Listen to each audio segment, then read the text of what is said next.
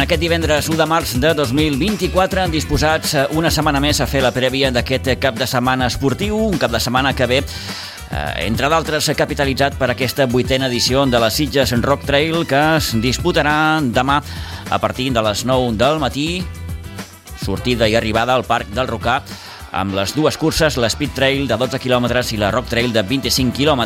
La Rock Trail, protagonista d'aquest cap de setmana, que també ens porta eh, més activitat, òbviament, en futbol.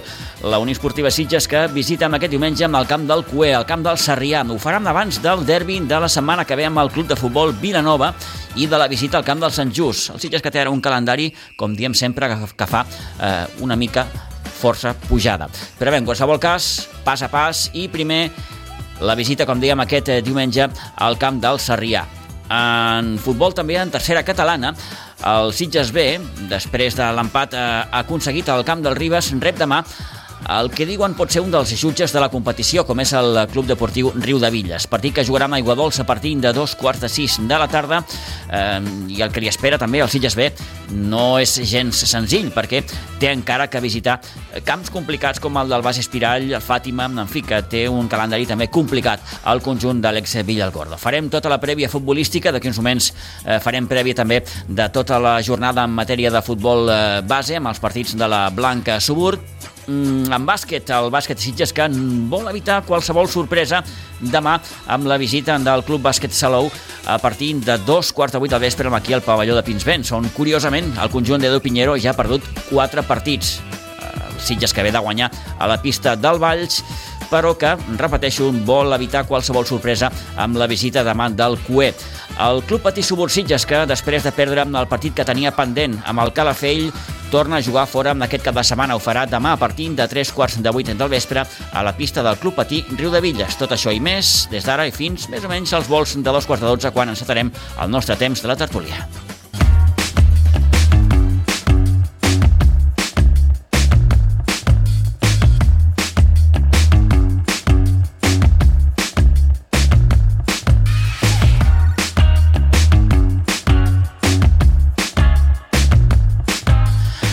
Mateix, les 10 i 53 minuts del matí, comencem a parlar de futbol base perquè a la preferent de juvenils la Blanca torna a jugar a fora en aquest eh, cap de setmana, partit de la vintena jornada que jugarà diumenge a un quart d'una del migdia al camp municipal de Cambrils davant un Cambrils Unió que està classificat, diguem-ho així, còmodament a la setena posició i que ja es va imposar, recordem, a la Blanca amb el nou Pinsbens 0 a 2 a la primera volta. A la segona divisió, també de juvenils, demà tenim derbi al nou Pinsbens, el juvenil B de la Blanca en rebrà amb el juvenil B de la Unió Esportiva Sitges en partit que jugarà a partir de les 5 de la tarda. La Blanca, que ja diguem-ho així, s'ha acabat sense pràcticament opcions de lluitar pel títol davant un Sitges que és cué i que només ha guanyat un dels 17 partits que ha disputat. Temporada també complicada per la Unió Esportiva Sitges, per al seu juvenil B. Bé, repassem la resta de partits de la Blanca, com sempre, amb l'Isidre Gómez. Isidre, bon dia, bona hora. Hola, molt bon dia. Bé, ja hem començat parlant dels dos juvenils. Eh, què tenim més? Doncs pues mira, continuarem pels cadets, que el cadet ens jugarà demà dissabte a la una al migdia al camp del Covelles A. El cadet B ens jugarà diumenge a les 11 del matí a Pinsbens contra la penya recreativa Sant Feliu de Llobregat A. El cadet Cens aquesta setmana ens descansa. En categoria infantil, l'infantil ens jugarà dissabte a l'una i mitja al camp de l'Igualada B. L'infantil B descansa i el infantil C diumenge a les 9 del matí al camp del Covelles B. En la categoria L20 de la sub-12, l'ANS jugarà demà dissabte a Pinsbens a les 12 del migdia contra la Fundació Atlètic Vilafranca C. El B diumenge a les 9 del matí al camp del Sant Boià B. El C dissabte a les 10.30 a Pinsbens contra l'Espluguenc A. I finalment el D també demà dissabte a la 1 i mitja a Pinsbens contra el Ribes C. En la sub-11 el, el A ens jugarà dissabte a les 10.30 el municipal La Sort d'Òdena, el B diumenge a les 9 del matí a Pinsbens contra el Cal Castell de Fels D, en categoria Benjamí, de la sub-10 a l'Ans jugarà diumenge a les 10, 12 del migdia al camp de la penya recreativa Sant Feliu de Llobregat A, el B demà dissabte a les 10.30 a Pinsbens contra la Fundació Atlètic Vilafranca C, el C també demà dissabte a Pinsbens a la una i mitja contra l'Escola Futbol Gavà E. Ja amb el sub-9, l'Ans jugarà demà dissabte a Pinsbens a les 12 del migdia contra l'Igualada B. El sub-9B diumenge a les, 9 del, a les 11.20 del matí al camp de la Fundació Unió Esportiva Cornellà E. I els prebenjamins demà dissabte a les 9.45 al camp del Mascatarro A. I com cada dissabte començarem amb els promeses i pitufos amb la nostra Lliga Social. Doncs tot això és el que ens espera futbolísticament parlant per als equips de la Blanca al llarg d'aquest proper cap de setmana. Ens ha informat, com sempre puntualment també, l'Isidre Gómez. Isidre, moltíssimes gràcies. Bon cap de setmana i fins dilluns. Fins dilluns. Moltes gràcies a tots. Adeu.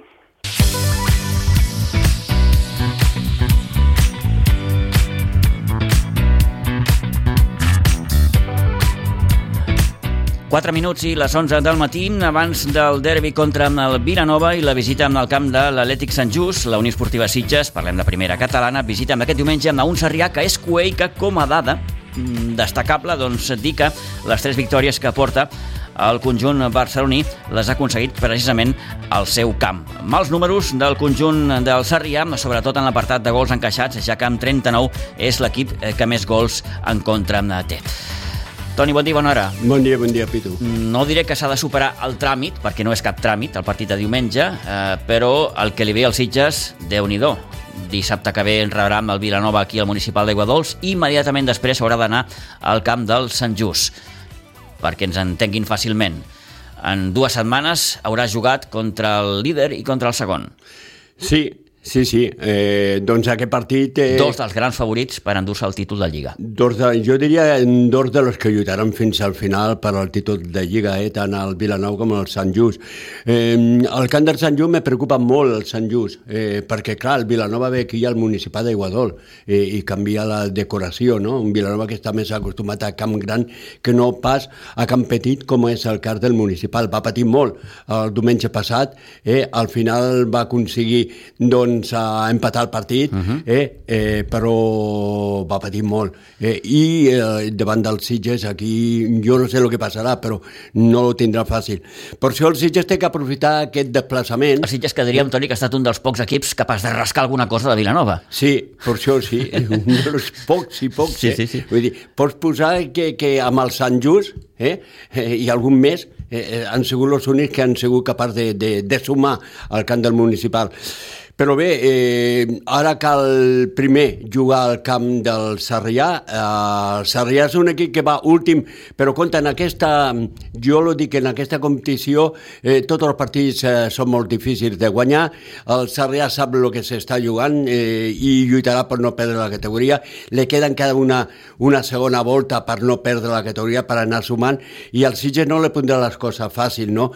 El Sitges que, doncs, a cap contrari, eh, bé, eh, acabava malament el campionat perquè venia de derrotes consecutives a Can Contrari i en canvi ara doncs encara no sap el que és guanyar en aquesta segona volta a Can Contrari perquè va empatar uh mhm. -huh. al camp de la Fundació Atlètic Vilafranca i també va empatar en el penúltim partit que em sembla que va ser al Prat, no? Doncs estàs una miqueta en la línia del que ens deia precisament el Toni Salido quan li preguntàvem sobre el partit de Sarrià, un Toni Salido que eh, deia clarament ara ho escoltaran, que ara mateix no s'ha de mirar la classificació i que insistia en arribar quan més aviat millor a aquests 40 punts. Sí, sí, está claro. Al final ya lo estamos viendo. Es una liga muy apretada, igual que juegues contra. No hay clasificación en esta liga. Eh, no hay clasificación. Todos los partidos tienes que hacerlo muy bien porque tienen todos los equipos tienen buenos jugadores, tienen buenos equipos, tienen fases para durante el encuentro hay fases donde te toca defender, hay otras fases que te tiene que, te toca atacar y, y, al final es muy complicado sacar puntos. Nosotros nuestro objetivo es de ir como cada semana intentar de prepararlo bien, e intentar de hacer el mejor partido que podamos e intentar de de, ir puntuando cada semana e intentar de llegar a los 40 puntos que creo que va a marcar por ahí la salvación eh, y a partir de ahí pues ya veremos a ver. Sí que es verdad que nosotros lo que tenemos que hacer es, eso, ir cada semana, cada semana, cada semana y entrenar, prepararlo y salir de la mejor manera para, para, para intentar sacarlo. Bé, doncs aquesta filosofia d'anar a setmana a setmana, partit a partit, amb aquest objectiu d'entrada, Toni, d'arribar als 40 punts. A partir d'aquí, doncs un cop arribada aquesta xifra màgica, jo diria, sí, doncs, que... tens eh, la possibilitat d'anar cap amunt o d'anar cap avall. Eh, le queden 12 punts mm. eh, per arribar als 40. Eh, per això és tan important aquest partit, perquè tu sumes 3 punts i ja te queden 9. Pel que pugui passar en els dos propers. Sí, perquè, clar, els dos propers ja és una altra història. Sí, ja, ja és, jugant... és, és paraules mayores. Correcte. Sí, sí. Ja te l'estàs jugant, ja és tot eh, un obstacle molt fort, no? Per un, pels Sitges, tant el partit contra el Vilanova com a Sant Just. Per això eh, tens que aprofitar Sarrià, que no te posarà les coses fàcils, perquè no. és... No, és un equip que s'està jugant al descens. Se juga molt. No és un equip que... I aquí va empatar, eh? Compte, que el Sarrià aquí va empatar. No és un equip que, que va desagradar, perquè és un equip que tenia eh, molt jove, un equip que intentava molt jugar a la pilota, i no serà un rival fàcil. El Sitges té que anar per els tres punts, conscient de que, com diu el Toni, partit a partit, i clar, aquest partit és sumar els tres i ja esperar el proper. El derbi amb el Vilanova. Un Vilanova que, Toni, aquesta setmana se les veu amb el Sant Ildefons. És, de fet, un dels partits destacadíssims d'aquesta jornada número 20. Sí, molt destacat, no? Perquè doncs, aquí te pot dir el Vilanova el que és capaç de, de, de fer. Sant Ildefons, que va ser capaç de guanyar el Vilanova la primera volta. Allà, sí, sí, sí. sí.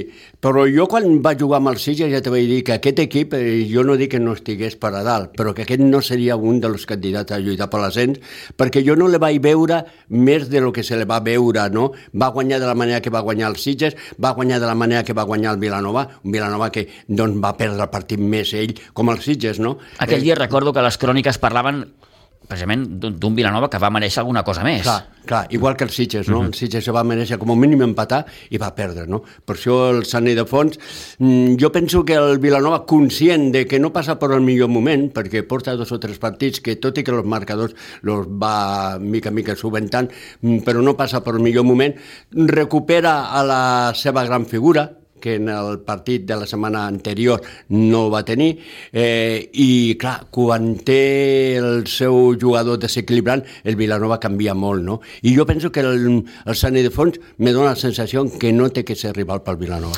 Jornada número 20 en aquest grup tercer de primera catalana, la Unió Esportiva Sitges. Repetim, recordem, diumenge a un quart d'una del migdia al camp del Sarrià.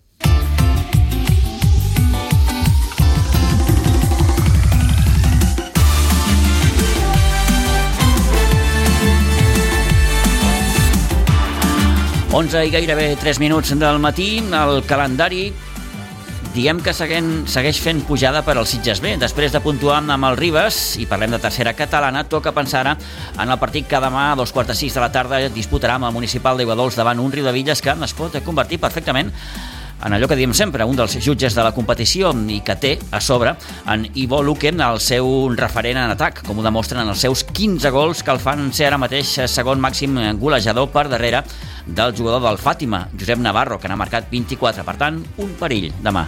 Sí, sí, un perill. Un dels perills, vaja. Ivo Luque sempre és un perill, eh, el Ruiz també sempre és un perill. A més a més... El per anys que passen aquests jugadors, Toni, no perden mai l'olfacte. No, no, no, són jugadors... Són golejadors des que neixen fins que, fins que deixen de jugar, com aquest sí, diu. i potser és l'equip que se sent més còmode, el mm. Sant Pere Rodivillas, perquè de fet és l'equip que ja porta més de temps jugant, eh, i se sent bastant còmode i, i jo penso que el Rodríguez és un equip sempre a tenir molt en compte, és molt difícil de guanyar, és molt difícil, és un equip que sempre està allà. Si mires la classificació, està pel mig de la classificació, ja pràcticament no té opcions de lluitar eh, per l'ascens i el que farà és eh, potser el, el paper que millor le va, fet de jutge del sí, campionat. Jutge, sí, sí, intentar esgarrapar punts contra equips que sí que ara mateix tenen les seves opcions. Clar, i això ho fa fort, i això mm. fa fort. I el Sitges el que té que continuar la mateixa línia aquí al municipal, un Sitges que tan sol ha perdut un partit aquí eh, i té que seguir la mateixa línia i mirar de sumar els tres punts. El Sitges que precisament amb l'empat al camp del Ribes va tancar una volta sencera, va completar una volta sencera sense, sense perdre. Mira, hem pogut parlar una estona amb Miquel Sella, el jugador del Sitges B, que ja ha estat convocat, eh, per cert, en un parell d'ocasions amb el primer equip. No ha arribat a debutar, però sí que ha estat convocat dues vegades. Uh, Miquel Sella, que va ser l'autor del gol de l'empat al camp del Ribes en el temps de descompte, d'entrada ens deia, ens parlava de bones sensacions després d'aquest punt a Sant Pere de Ribes. Bueno, sensacions bones perquè al final eh, lluitem fins l'últim minut, no? I això doncs, és un punt molt positiu en nosaltres perquè no tirem en cap moment la tovallola. Eh, ens passem minuts i minuts anant perdent i mira, doncs al final doncs, ens quedem amb un punt bastant important en un camp molt difícil, la veritat. Eh, reconeixia en acabar, eh, Miquel, l'entrenador del Ribas, en Xavi Garcia, i crec que va ser honest de la seva part, que, que, que l'empat era just, no? que, que, que havia estat un partit de, de dues parts, una per ells i una per vosaltres. Tens aquesta sensació, tu també? Sí, noto que a la primera part nosaltres sortim més fluixos igual, eh, amb el camp era difícil de jugar, relliscava molt sobretot, i ells eh, van estar prou bé i res, a la segona part eh, va ser el contrari, no? Vam ser nosaltres qui, qui vam crear les oportunitats, qui vam, qui vam remar eh, contracorrent i al final, doncs mira, vam poder aconseguir l'empat. Clar, l'empat arriba just en, en, en el temps de descompte i, i és obvi que vosaltres marxeu amb millors sensacions que no pas ells, que tenien o veien el partit més guanyat. Clar, o sigui, els hem tret el, el caramelet de la boca, com aquell qui diu, mm. perquè era l'afegit, era... només quedava minut i mig o poca, poc temps més, així que sí, eh, suposo que deu fer més mal. Sens, sens dubte.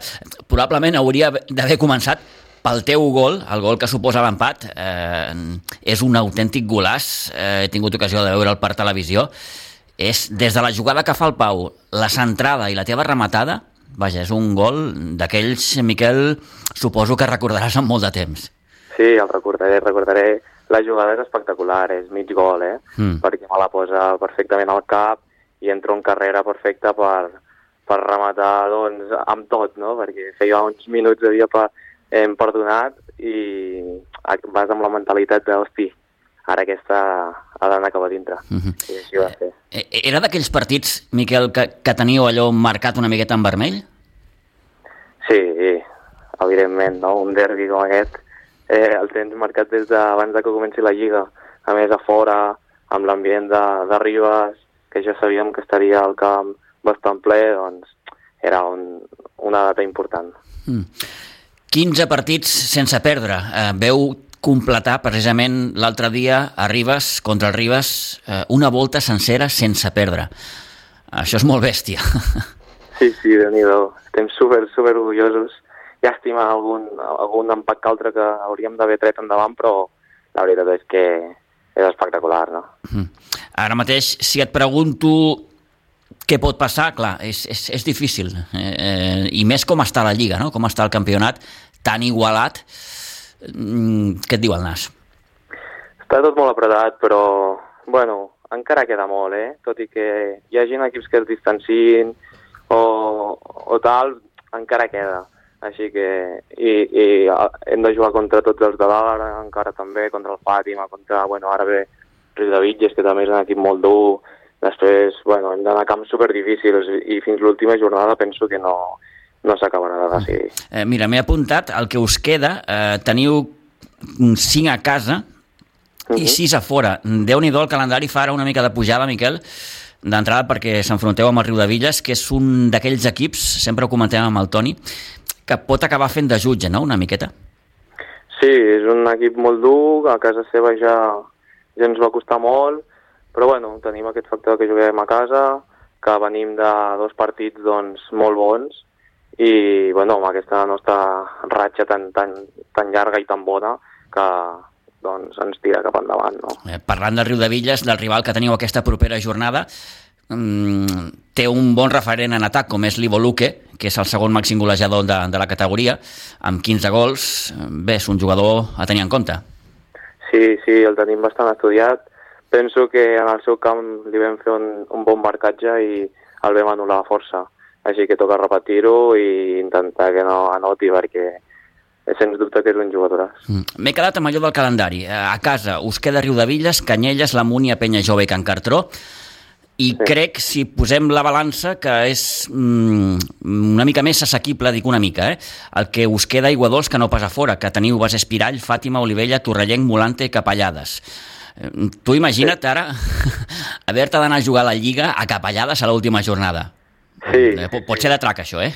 Ho, ho pensem, jo ho penso bastant, eh? eh? Els partits de fora són igual més d'usos, però bueno, això també ho farà més, més especial, no?, si es dona el cas en què es guanya tot. Així que, bueno, està bé. Eh, mm, et preocupa alguna cosa en especial? Eh, em refereixo a visitar camps com el Fàtima, com, com Bas Espirall, que són camps doncs, eh, d'entrada molt difícils? No, no, la veritat és que no. Sempre anem amb la mateixa mentalitat, tots units, i no em preocupa gens, la veritat. Eh, al final es tracta de nosaltres, no el rival.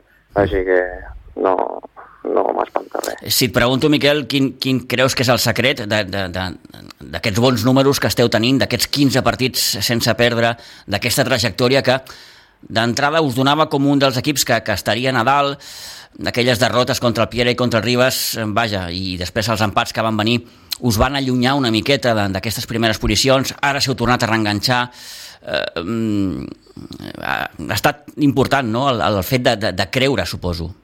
Sí, sobretot això, la constància, la perseverància de seguir lluitant, de no baixar els braços, no? Eh, això ens ha fet doncs, seguir endavant i, i mirar per nosaltres mateixos, eh, el que t'he dit abans, que al final eh, cada equip depèn d'ell mateix i així ho hem fet. Uh -huh. uh, sincerament, tu creus que, que l'equip encara no ha dit la seva última paraula? Sí, ho, crec, ho crec, la veritat. Tenim encara molt, molt a jugar i molt a demostrar. Uh -huh. Vinga, i acabo. Uh, en, amb una qüestió més, més personal teva. Què tal, com t'estàs trobant? Uh, com qualificaries la teva temporada? Tenint en compte que, si no m'erro, Miquel, ja has estat cridat dues vegades per, per anar a jugar amb el primer equip. Sí, molt, molt content, la veritat. No m'esperava aquesta entrada a la categoria de sènior. Eh, molt feliç perquè bueno, vaig, em va costar entrar perquè, bueno, diferents caps de setmana no vaig poder anar a jugar i això em va perjudicar una mica, però a la que vaig entrar l'entrenador ja em va donar la confiança de, de jugar bastants minuts, així que he anat agafant confiança i força i res, al final doncs ara eh, tot esforç té la seva recompensa i estic anant també entrenant amb l'A i algun partit convocat i superfeliç, la veritat. Uh -huh. T'ha faltat el debut, no, amb el primer equip? Sí, bueno, ja, si ha, si ha d'arribar ja arribarà, no tinc cap pressa i és això, no... Eh, si si s'ha de donar ja, ja es donarà per si mateix. No et preocupis, Miquel, estem parlant amb el central del futur del primer equip, això mm, tingueu clar. molt bé, Miquel, doncs eh, agraïts de poder xerrar aquesta estoneta amb tu, que vagi molt bé i, i vinga, a, a seguir. Molt bé, moltes gràcies a vosaltres.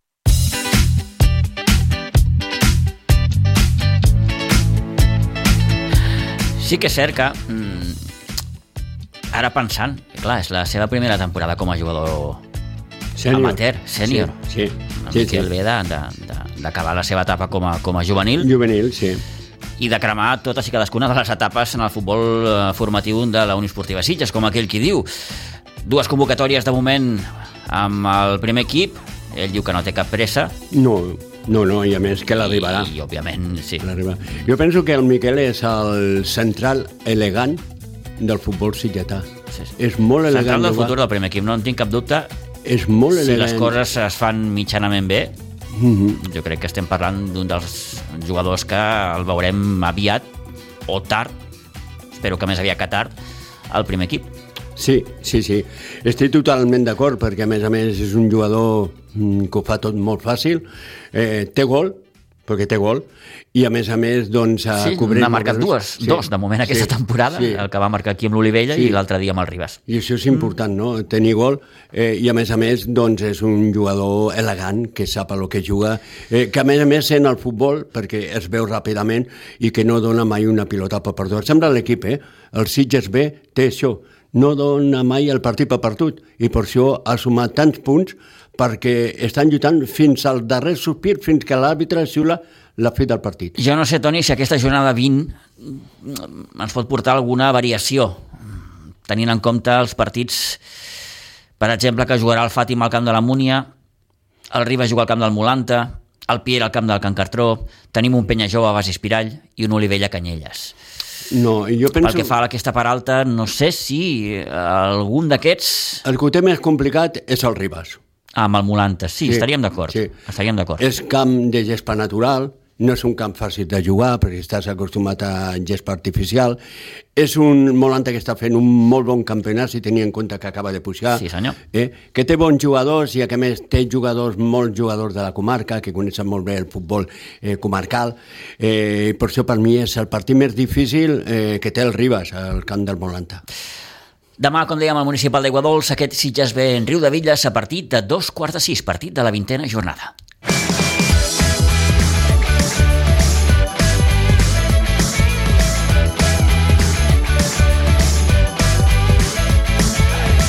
Un quart de 12. El bàsquet de Sitges en rep demà la visita d'un bàsquet Salou que més cué amb només tres victòries, la darrera, però, la que va aconseguir la setmana passada davant el Monjos. Tenint en compte que a Pinsbens ja s'han perdut quatre partits. El jugador del bàsquet de Sitges, Àngel Miguel Sanz, amb qui vam poder parlar amb aquest passat dilluns, no creu que l'equip tingui cap problema en especial a l'hora d'afrontar amb els partits de casa i parla també, o parlava millor dit, del que hores d'ara sembla l'objectiu més viable, que és el de poder lluitar per la segona posició. Bueno, sí, cosa jo crec que no, però sí que cada partit de Pinsbens és com una final ara. O sigui, bueno, els Pinsbens ja fora. L'únic que, clar, li som això, factor que Pinsbens hem perdut els mateixos partits que hem guanyat, ja fora hem perdut un. Però bueno, tampoc canvia res. Al final cada partit és anar, és anar a guanyar i cada partit és anar a donar 100% com a nivell individual i, i com a equip. Però bueno, nosaltres al final el nostre objectiu és el mateix, guanyar tots els partits que ens queden i intentar lluitar per la segona posició, que és la més viable. Però clar, és Ara t'ho anava dir, anava a dir, sí, sembla més, més, molt més factible eh, poder accedir a aquesta segona posició que esteu a una victòria només del Ribas i encara de venir aquí. No, no sí, a més, el, si una lliga tan picada en, on hi ha molts equips forts, l'altre, per exemple, vaig mirar ahir la classificació, per dos partits així una mica tontos i seguida et baixes a la mitja taula. En canvi, guanyes un parell de partits que ara ens venen Salou, AEC i Ribas, i et col·loques segon. Llavors, clar, cada partit això, que et dic, és una final, dona igual qui ve, si ve el segon, si ve el tercer, si ve l'últim, que s'hauran de guanyar tot el que queda per intentar això, intentar cada segons, inclús primers i, i veure si pugem. Les paraules d'Àngel eh, Miguel Sanz, un dels jugadors del bàsquet Sitges, eh, partit eh, de demà entre els eh, sitgetans i el bàsquet Salou, es jugarà, com dèiem, a Pinsbens a dos quarts de vuit del vespre. Per la seva banda, amb el sènior femení, té derbi amb el Ribas B, ho farà demà dissabte a partir de la 18a jornada que jugarà a les 4 de la tarda al pavelló municipal de Sant Pere de Ribes.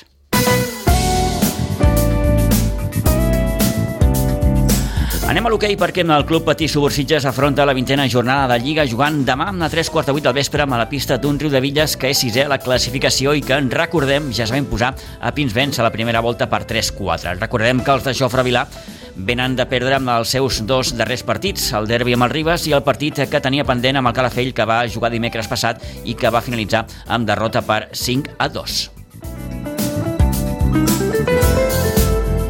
Obrim plana poliesportiva amb el primer equip femení del Sitges Hockey Club disputa la darrera jornada de la primera fase jugant aquest diumenge contra el club Egara. Les sitgetanes, en recordem, ja estan classificades per disputar els quarts de final de la competició, com també ho estan l'Atlètic Terrassa, el Catalònia i el Club Deportiu Terrassa és en certa manera un petit nou èxit per a un club que mm, bé, té, té de moment una curta vida, només 3 anys de vida. Hem pogut parlar una estona amb l'entrenadora Clàudia Cádiz, que reconeix, certa manera, estar una mica sorpresa pel bon rendiment en la seva primera temporada al front de l'equip. Sí, bueno, eh, es un equipo que yo no conocía, muchas de las jugadoras entre ellas tampoco se conocían porque es un equipo bastante nuevo. Y la verdad es que esta clasificación igual sí que ha sorprendido por la parte de que al final, al no conocernos y tal, pues sorprende, pero yo creo que responde también mucho a todo el esfuerzo que el equipo ha ido haciendo durante la temporada y todas las mejoras que hemos ido retocando y es totalmente merecido. Pues dinos o explícanos un poco cuál ha sido el secreto de vuestro éxito de momento. Yo creo que el, lo más importante de este equipo y que realmente yo creo que nos ha hecho llegar donde estamos hoy es eh, lo unido que está el equipo y un poco también ese sentimiento que, de club que a veces se puede perder. Yo creo que en este caso es lo que une más el equipo y les refuerza como jugadoras y es sobre todo también el soporte del club, de todos los aficionados. Yo creo que ha sido más eh, el empeño que le pone el equipo más allá de cosas más técnicas o que yo tenga que intervenir. Ahora te lo iba a decir, ¿no? Por lo que explicas, esto va más allá de lo que es el concepto técnico, táctico, mmm, físico. Totalmente. Se puede ver después de cada partido que se acabar el partido y todo el mundo se está abrazando, ya hayamos quedado 7-0, hayamos ganado, hayamos perdido, hayamos ganado de un gol, eh, se nota eh, pues todo el apoyo que recibimos y el compañerismo que hay dentro del equipo. No es como empieza, sino como acaba, como todas las cosas, ¿no? Eh, poco tiene que ver el equipo que empezó al que, al que hay ahora, ¿no? Por lo que sabemos. Exactamente, de hecho, esta frase que acabas de decir ahora es de mis favoritas y yo la uso mucho en mi día a día. Y, y sí que es cierto que en septiembre, pues lo que he comentado antes, éramos un equipo completamente nuevo, desestructurado, muchas no nos conocíamos, nueva entrenadora, que también es muy difícil adaptarse. Y al final, el año pasado también el sitio estaba juntado con otro club. Uh -huh. Y pues también esa separación. Y, y, nada que ver con el equipo que hay ahora, que es un equipo unido, eh, que lucha, que sabe a lo que va y que ante todo pues tiene unos valores y y pues eso. -huh. Por lo que explicas, eh, Claudia, mm, vaya que no te ha costado mucho eh, transmitir este mensaje a las jugadoras. No, no, la verdad es que siempre han estado muy predispuestas. Eh, todos nos hemos, nos hemos ido adaptando sobre la marcha. Yo he ido modificando también mis formas de entrenar al equipo, el equipo se ha ido modificando a mí, hasta que poco a poco hemos ido eh, entre todas formando el equipo que es ahora. Y pues eso siempre con mucha predisposición y compromiso. Os queda una última jornada para cerrar la, la, la primera fase, el partido que, que jugaréis con, con, el Club Egara. Llegados a este punto, Claudia, un poco ahora, ¿cuál es el objetivo? Eh, nuestro primer objetivo sería este fin de semana tomarnos el partido más como un entreno, uh -huh. ya que básicamente ya estaríamos, ya estamos en los playoffs. Y nada, tomarnos el partido de Egara como un entreno más, sobre todo ganar confianza, yo creo que es el objetivo de este partido nuestro primer objetivo para afrontar los playoffs con toda la fuerza, con confianza y habiendo probado cosas nuevas en este, en este partido que nos queda.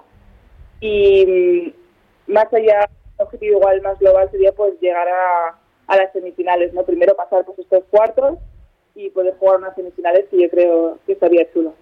¿Sabéis ya cómo van a ir estos cuartos de finales? ¿Es partido único o doble partido? ¿Cómo va a ir, Claudia? Eh, no sé muy bien aún contra quién nos vamos a cruzar. Yo creo que serían son dos grupos. Sí. Los que los que estamos en los grupos y yo creo que es primero de un grupo contra cuarto de, del otro grupo. Vale, vale. Sería si fuera así que no no estoy segura. Nos cruzaríamos con el A de Rimas, que es el primero de, del otro grupo. Uh -huh. Y es son los cuartos y las semis y la final son partidos a ida y vuelta. De acuerdo. Ajá. Y oportunidad de jugar un partido en tu casa, 100%, que me parece que eso me parece una una muy, una, una muy buena forma de que cada, cada equipo pues tenga su momento de competición en el club, en, en su casa, y así que son dos oportunidades realmente para para clasificarnos. En vuestro caso, el hecho de jugar en casa, bueno, lo podíamos poner un poco ahí entre comillas, ¿no? Sí, nuestro caso es un poco más delicado y especial. Eh, al no tener un campo de hockey, entrenamos en un campo de rugby. Pero en lo que es la federación, normalmente nosotros jugamos siempre en el campo del Castelldefels, que es el que nos queda más cerca. Uh -huh. Es donde se mueve la, la, mayoría de nuestra afición siempre. Así que en caso de que nos toca, o sea, cuando jugáramos a casa, pues nos tocaría ir a Castelldefels y de defender ese campo como si fuera nuestro. Por lo tanto, Claudia, doble mérito a lo que estáis haciendo, ¿eh? Sí, sí, yo creo que es muy importante realzar eh, todos, igual no inconvenientes, pero sí pequeños retos que tenemos que afrontar durante los entrenos y durante los fines de semana, final es mucho desplazamiento, eh, es también el campo de juego, eh, y yo creo que es importante realzar ese esfuerzo que hace la Junta, sobre todo para podernos intentar facilitar lo máximo posible los entrenos dentro de lo que cabe y, y el esfuerzo que hacen las jugadoras, porque al final eh, la mayoría de los partidos son en casa porque se centra todo el hockey catalán y también español y es mucho transporte, es mucho viaje y el compromiso y el esfuerzo de las jugadoras en este caso es también muy realzable. Uh -huh. Te hago las dos últimas, Claudia. Eh, ¿Qué tal estás viviendo tú personalmente eh, esta temporada como, como entrenadora? Pues yo vengo, es una temporada un poco de adaptación también para mí, más allá de porque es un club, porque me uno a un club nuevo, pero también porque la única experiencia como entrenadora que yo he tenido han sido con prebenjamines, o sea, con niños de 7 años. Entonces también es un salto muy grande para mí de pasar a entrenar benjamines a un segunda, que en este caso es el equipo de un club.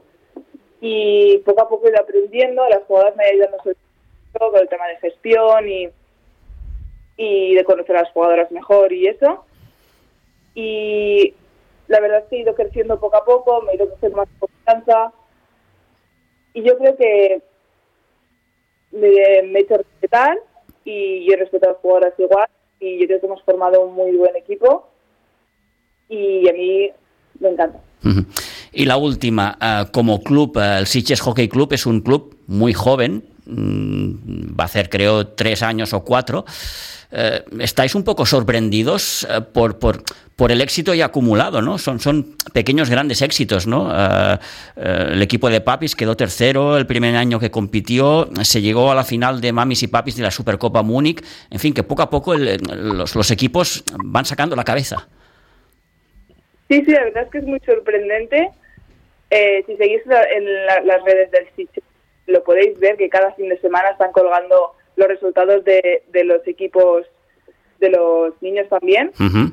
de la escuela, y siempre son resultados muy positivos, siempre son empates, victorias, y yo creo que yo creo que es importante dar visibilidad a este club, porque es un club en crecimiento y que puede aportar muchísimas cosas, a, además de la ciudad, al hockey, porque al final es expandir un poco más las fronteras y que no sea todo tan concentrado en casa. Y, y, yo creo que es una muy buena oportunidad para los niños de aprender un deporte nuevo en un club que está súper bien y la verdad es que es maravilloso. Pues Claudia, gracias por haber atendido nuestra llamada, que vaya muy bien, felicidades por lo conseguido y, y espero poderos felicitar por un nuevo éxito, ¿de acuerdo? Muchísimas gracias.